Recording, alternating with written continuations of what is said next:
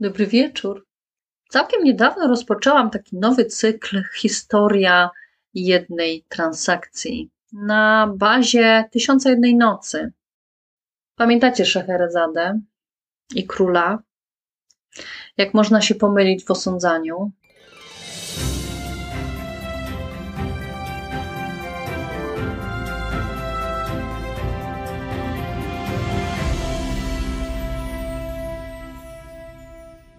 Ja bardzo chciałabym móc przedstawić Wam swoje historie. Może ku ostrzeżeniu, może ku przestrodze, może czasem zabawnie, ale dzisiaj chciałabym może zamiast historii opowiedzieć kilka spraw, na które ja nie mam odpowiedzi, albo na które odpowiedzi jestem w trakcie uzyskiwania, bo, jest, bo są to ciężkie sytuacje, e, jakie trafiają mi się. I tak naprawdę może Was zachęcę do tego, abyście komentowali, może pytali, może spostrzeżenia jakieś własne dali. Ale zanim przejdę, to bardzo serdecznie Wam dziękuję za duży oddźwięk y, po odcinku z mecenas Anią Niedzikowską. E, paru pośredników się obruszyło po mojej wiosennej Ance. Ja bardzo się cieszę, bo wiecie, że im większy ruch w Was wywołuje, tym generujecie mi duży uśmiech, bo wiem, że mnie słyszycie bardzo Wam za to dziękuję. Bardzo dziękuję każdemu patronowi z osobna za wsparcie finansowe. Możecie mnie wspierać na Patronite Anna Strzelczyk. Zawsze na dole każdego wideo, podcastu jest podany, wskazany namiar maila, telefon, strona internetowa. Wszędzie znajdziecie do mnie y, możliwy namiar. Bardzo mi to pomaga, mojemu zespołowi. Podzielę się z Wami historią, jaka niedawno mi się przytrafiła. Po iluś miesiącach klienci przychodzą do mnie, właściwie połowa klienta, bo druga połowa była skłócona i nie chciała tak naprawdę rozmawiać. Przyszła do mnie ta osoba z zapytaniem, czy byłabym w stanie zareklamować nieruchomość w taki sposób, by sprzedać to w możliwie jak najszybkim czasie. Mm, tutaj trzeba zaznaczyć, że około pół roku. I czy ja się tego podejmę. Więc najważniejszą rzeczą dla mnie było ustalić, jak druga strona do tego podchodzi.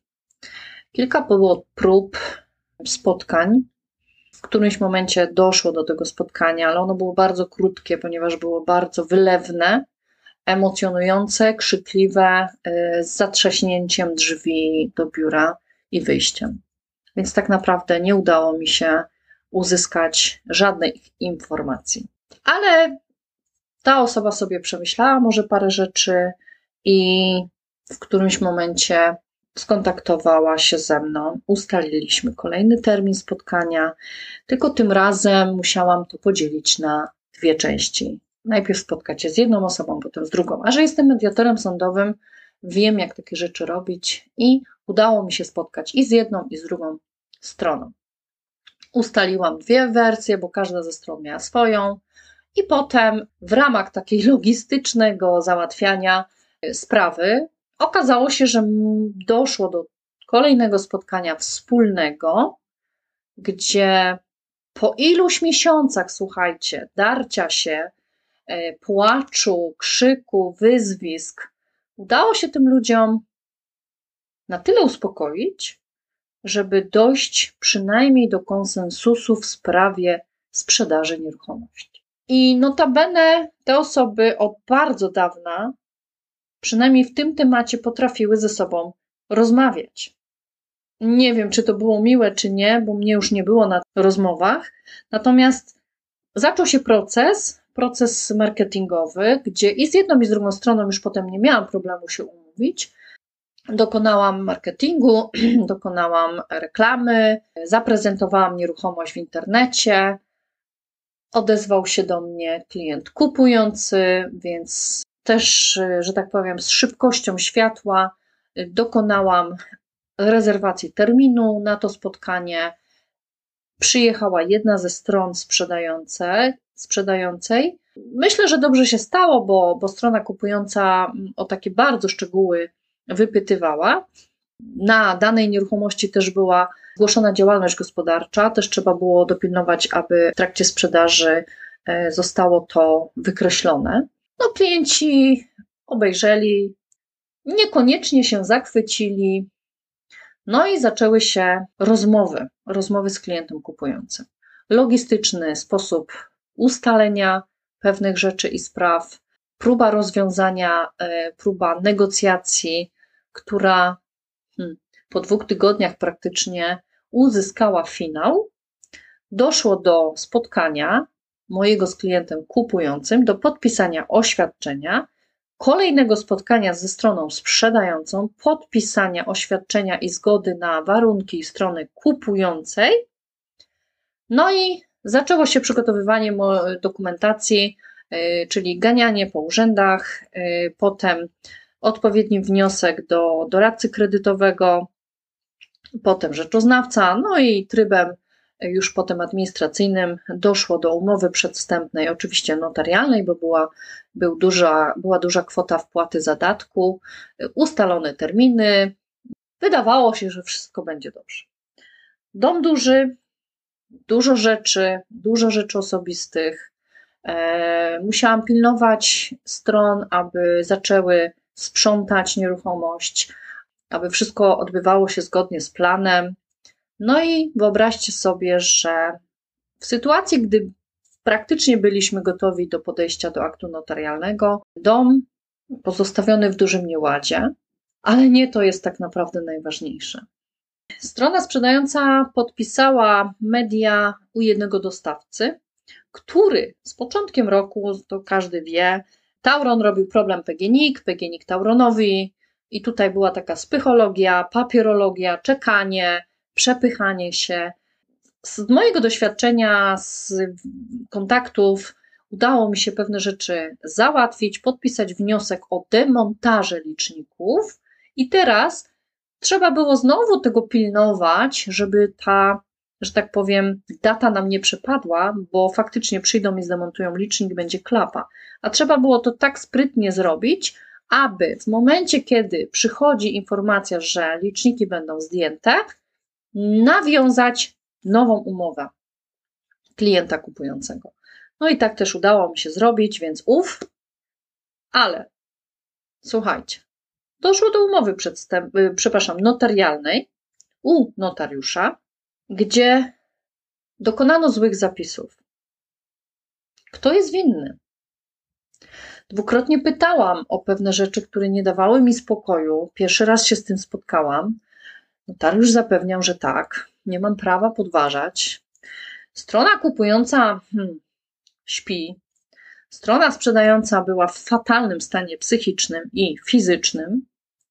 Nie będę opowiadać, skąd tą osobę musiałam zabrać, jak pilnować i czego pilnować, żeby doszło to wszystko do skutku, ale uwierzcie mi, że nie spałam kilka nocy przed i dużo nocy po bo się okazało, że akt był źle sporządzony, że zapis klientów kupujących o, e, z umowy kredytowej był e, zapisany niewłaściwie.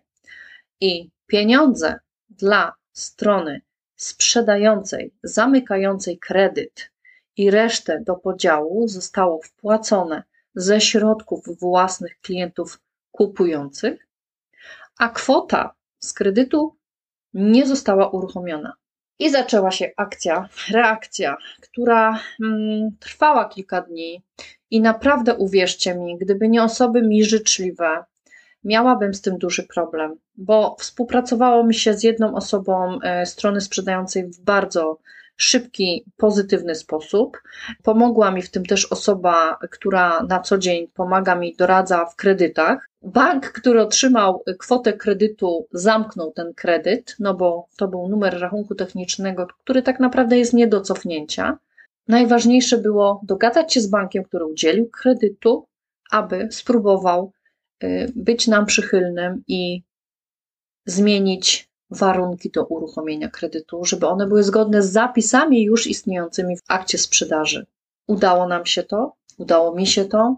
Po kilku nieprzespanych nocach dowiedziałam się którejś wieczorowej pory, że aneks będzie przygotowany, klienci to podpiszą.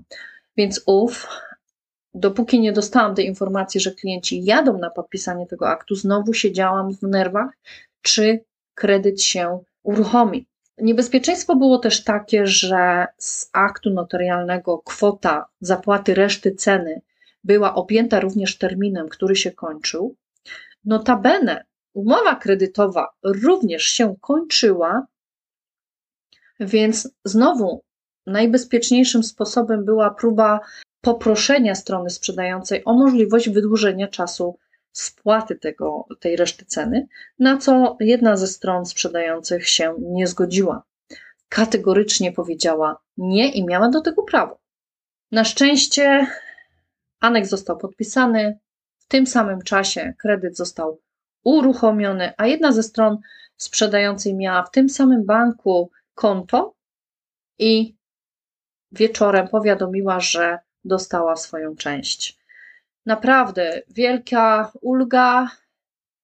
Nie wiem, kto zawinił w tej sytuacji. Osoba publiczna, zaufania publicznego, prowadząca działalność jest osobą, która też powinna poczuwać się do odpowiedzialności. Pytanie, czy aby na pewno, bo znowu ktoś może zarzucić, że przecież kupujący wiedział o tej sytuacji i powinien tego pilnować. Ktoś może zarzucić, że ja jestem od tego jako pośrednik, by pilnować. Tylko, że ja tutaj działałam na rzecz strony sprzedającej. Nie miałam wglądu do umowy kredytowej, nie wiedziałam, jakie są zapisy i warunki banku. Teraz nie ma sensu szukać winnego, ale może Wy, drodzy Państwo, po tej sytuacji nasunie Wam się jakaś informacja, pytanie, odpowiedź, sugestia. Od razu z góry dziękuję, bo to jest kolejna lekcja, e, której nie odrobiłam przez 16 lat nigdy w życiu ale jest to jakaś tam znowu nauczka. I ważne jest też to, że ja nie pracowałam dla strony kupującej, a mimo wszystko byłam bardzo zaangażowana, ponieważ poczuwałam się do odpowiedzialności i naprawdę zrobiłam wszystko, co w mojej mocy, żeby ten klient czuł przynajmniej z mojej strony empatię i próbę poradzenia sobie w tej sytuacji. A co powiecie na inną sytuację?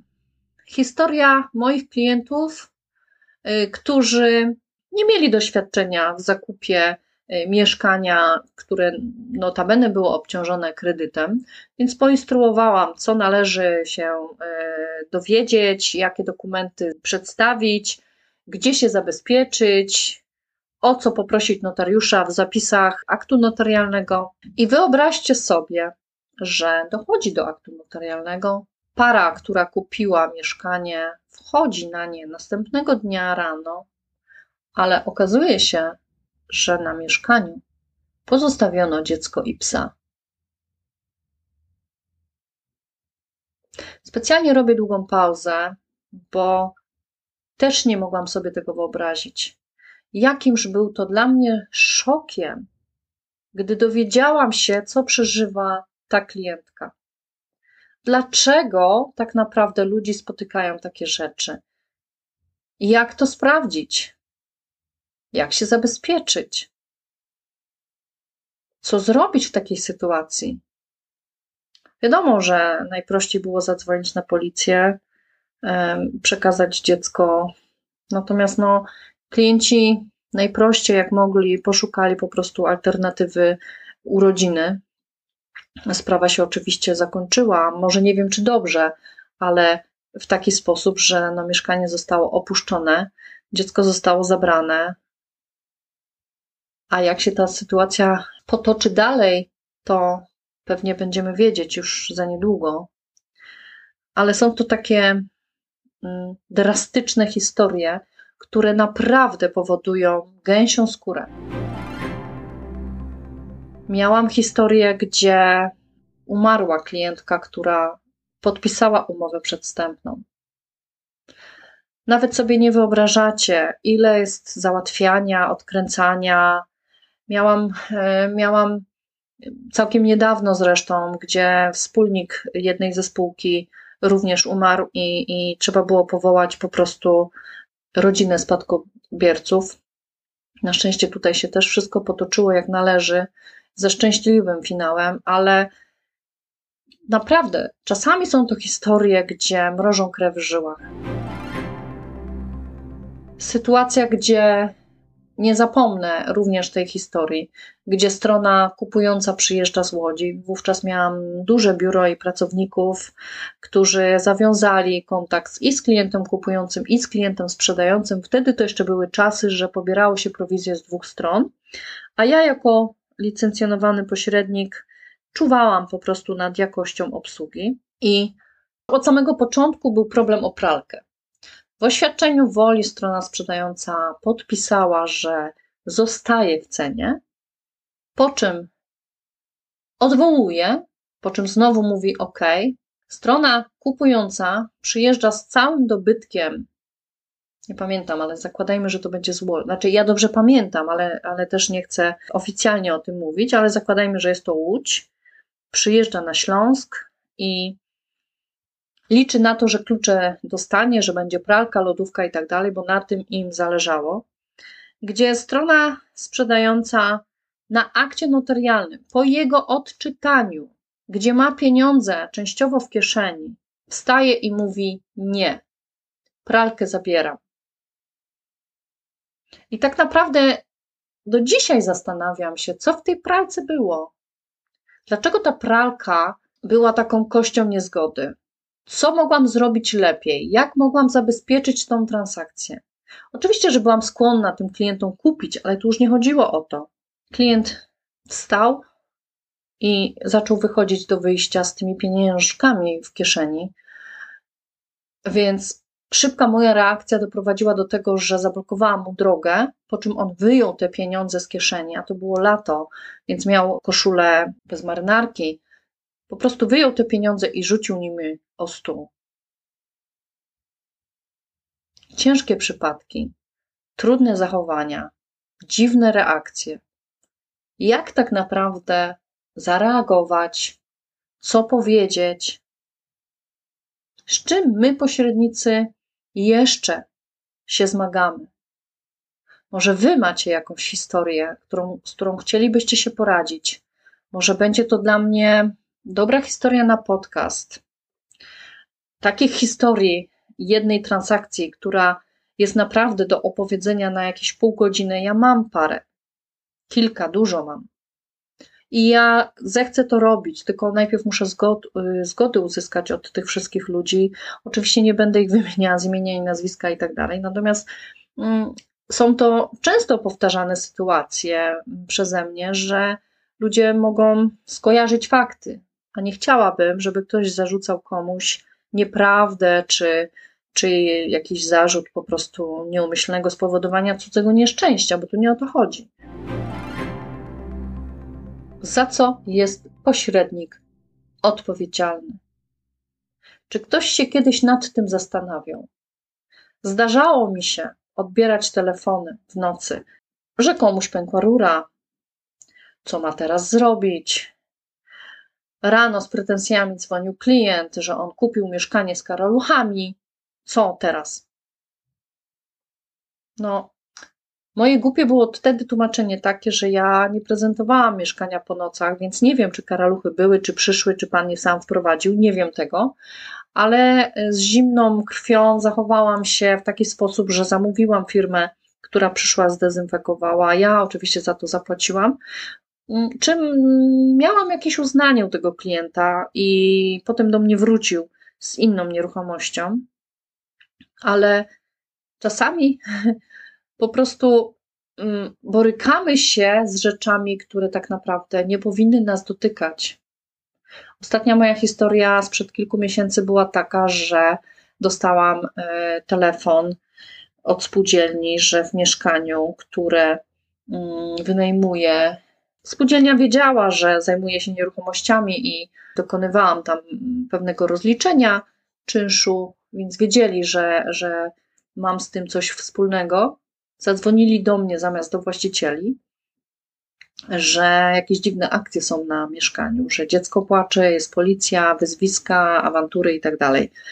Też zdarzają mi się takie interwencje, gdzie muszę pójść do kogoś, poprosić o to, aby albo się uspokoił, albo zwolnił mieszkanie dobrowolnie, bo no, nikt nie chce zakłócenia miru domowego i nikt nie chce, żeby kogoś oskarżano o to, że nienależycie dokonał wynajmu, bo ja pomimo tego, że się nie czuję tutaj winna, poczułam się w obowiązku pójścia do tych klientów i z nimi porozmawiać. Przynajmniej tyle. Jest to bardzo też niebezpieczne, ponieważ dokonuję takich czynności sama i zawsze staram się w jakiś sposób zabezpieczać, ale nigdy wiadomo, że się nie zabezpieczę, jestem tylko kobietą. Więc z jakimi wy się spotykacie czasami sytuacjami? Może znajdzie się jakiś agent, pośrednik, nie wiem, jakaś strona kupująca lub sprzedająca, która może coś powiedzieć na ten temat, jakąś anegdotę, może ze szczęśliwym zakończeniem, może coś, co się nie zakończyło szczęśliwie. Mam nadzieję, że wszystkie te transakcje, jakie Państwo macie za pośrednictwem biur, kończą się dobrze, ale nawet jeśli nie, to czy w przyszłości te historie miały dobroczynny wpływ na Wasze życie, czy może, jak to się mówi, coś jest po coś, że tak faktycznie było, czy jednak pozostaje gorzki żal, dajcie znać. Będzie mi naprawdę miło wiedzieć, że słuchacie tego z przejęciem, z zaciekawieniem, bo ja sama, kiedy to opowiadam moim bliskim, są w szoku w ogóle, że takie rzeczy w ogóle się dzieją. Ja też rzadko kiedy umieram ze strachu, ale tak jest. Są sytuacje, na które nie mamy wpływu, a które nas dosięgają i musimy sobie radzić, e, zachować zimną krew i reagować. Za dziś pięknie Państwu dziękuję. Liczę na to, że to słoneczko w końcu wyjdzie i ciepło się zrobi, bo już wkrótce będzie znowu lato. Będą wakacje i znowu będę szykowała dla Was totalne niespodzianki. Jeśli mnie oglądacie, subskrybujcie mój kanał Nieruchomości bez ściemy, pogadanki u Anki. Zapraszam na moją stronę internetową. Zapraszam Was do kontaktu ze mną. Podzielcie się Waszymi historiami. Będzie mi bardzo miło. Wasza Anka. Pozdrawiam, cześć.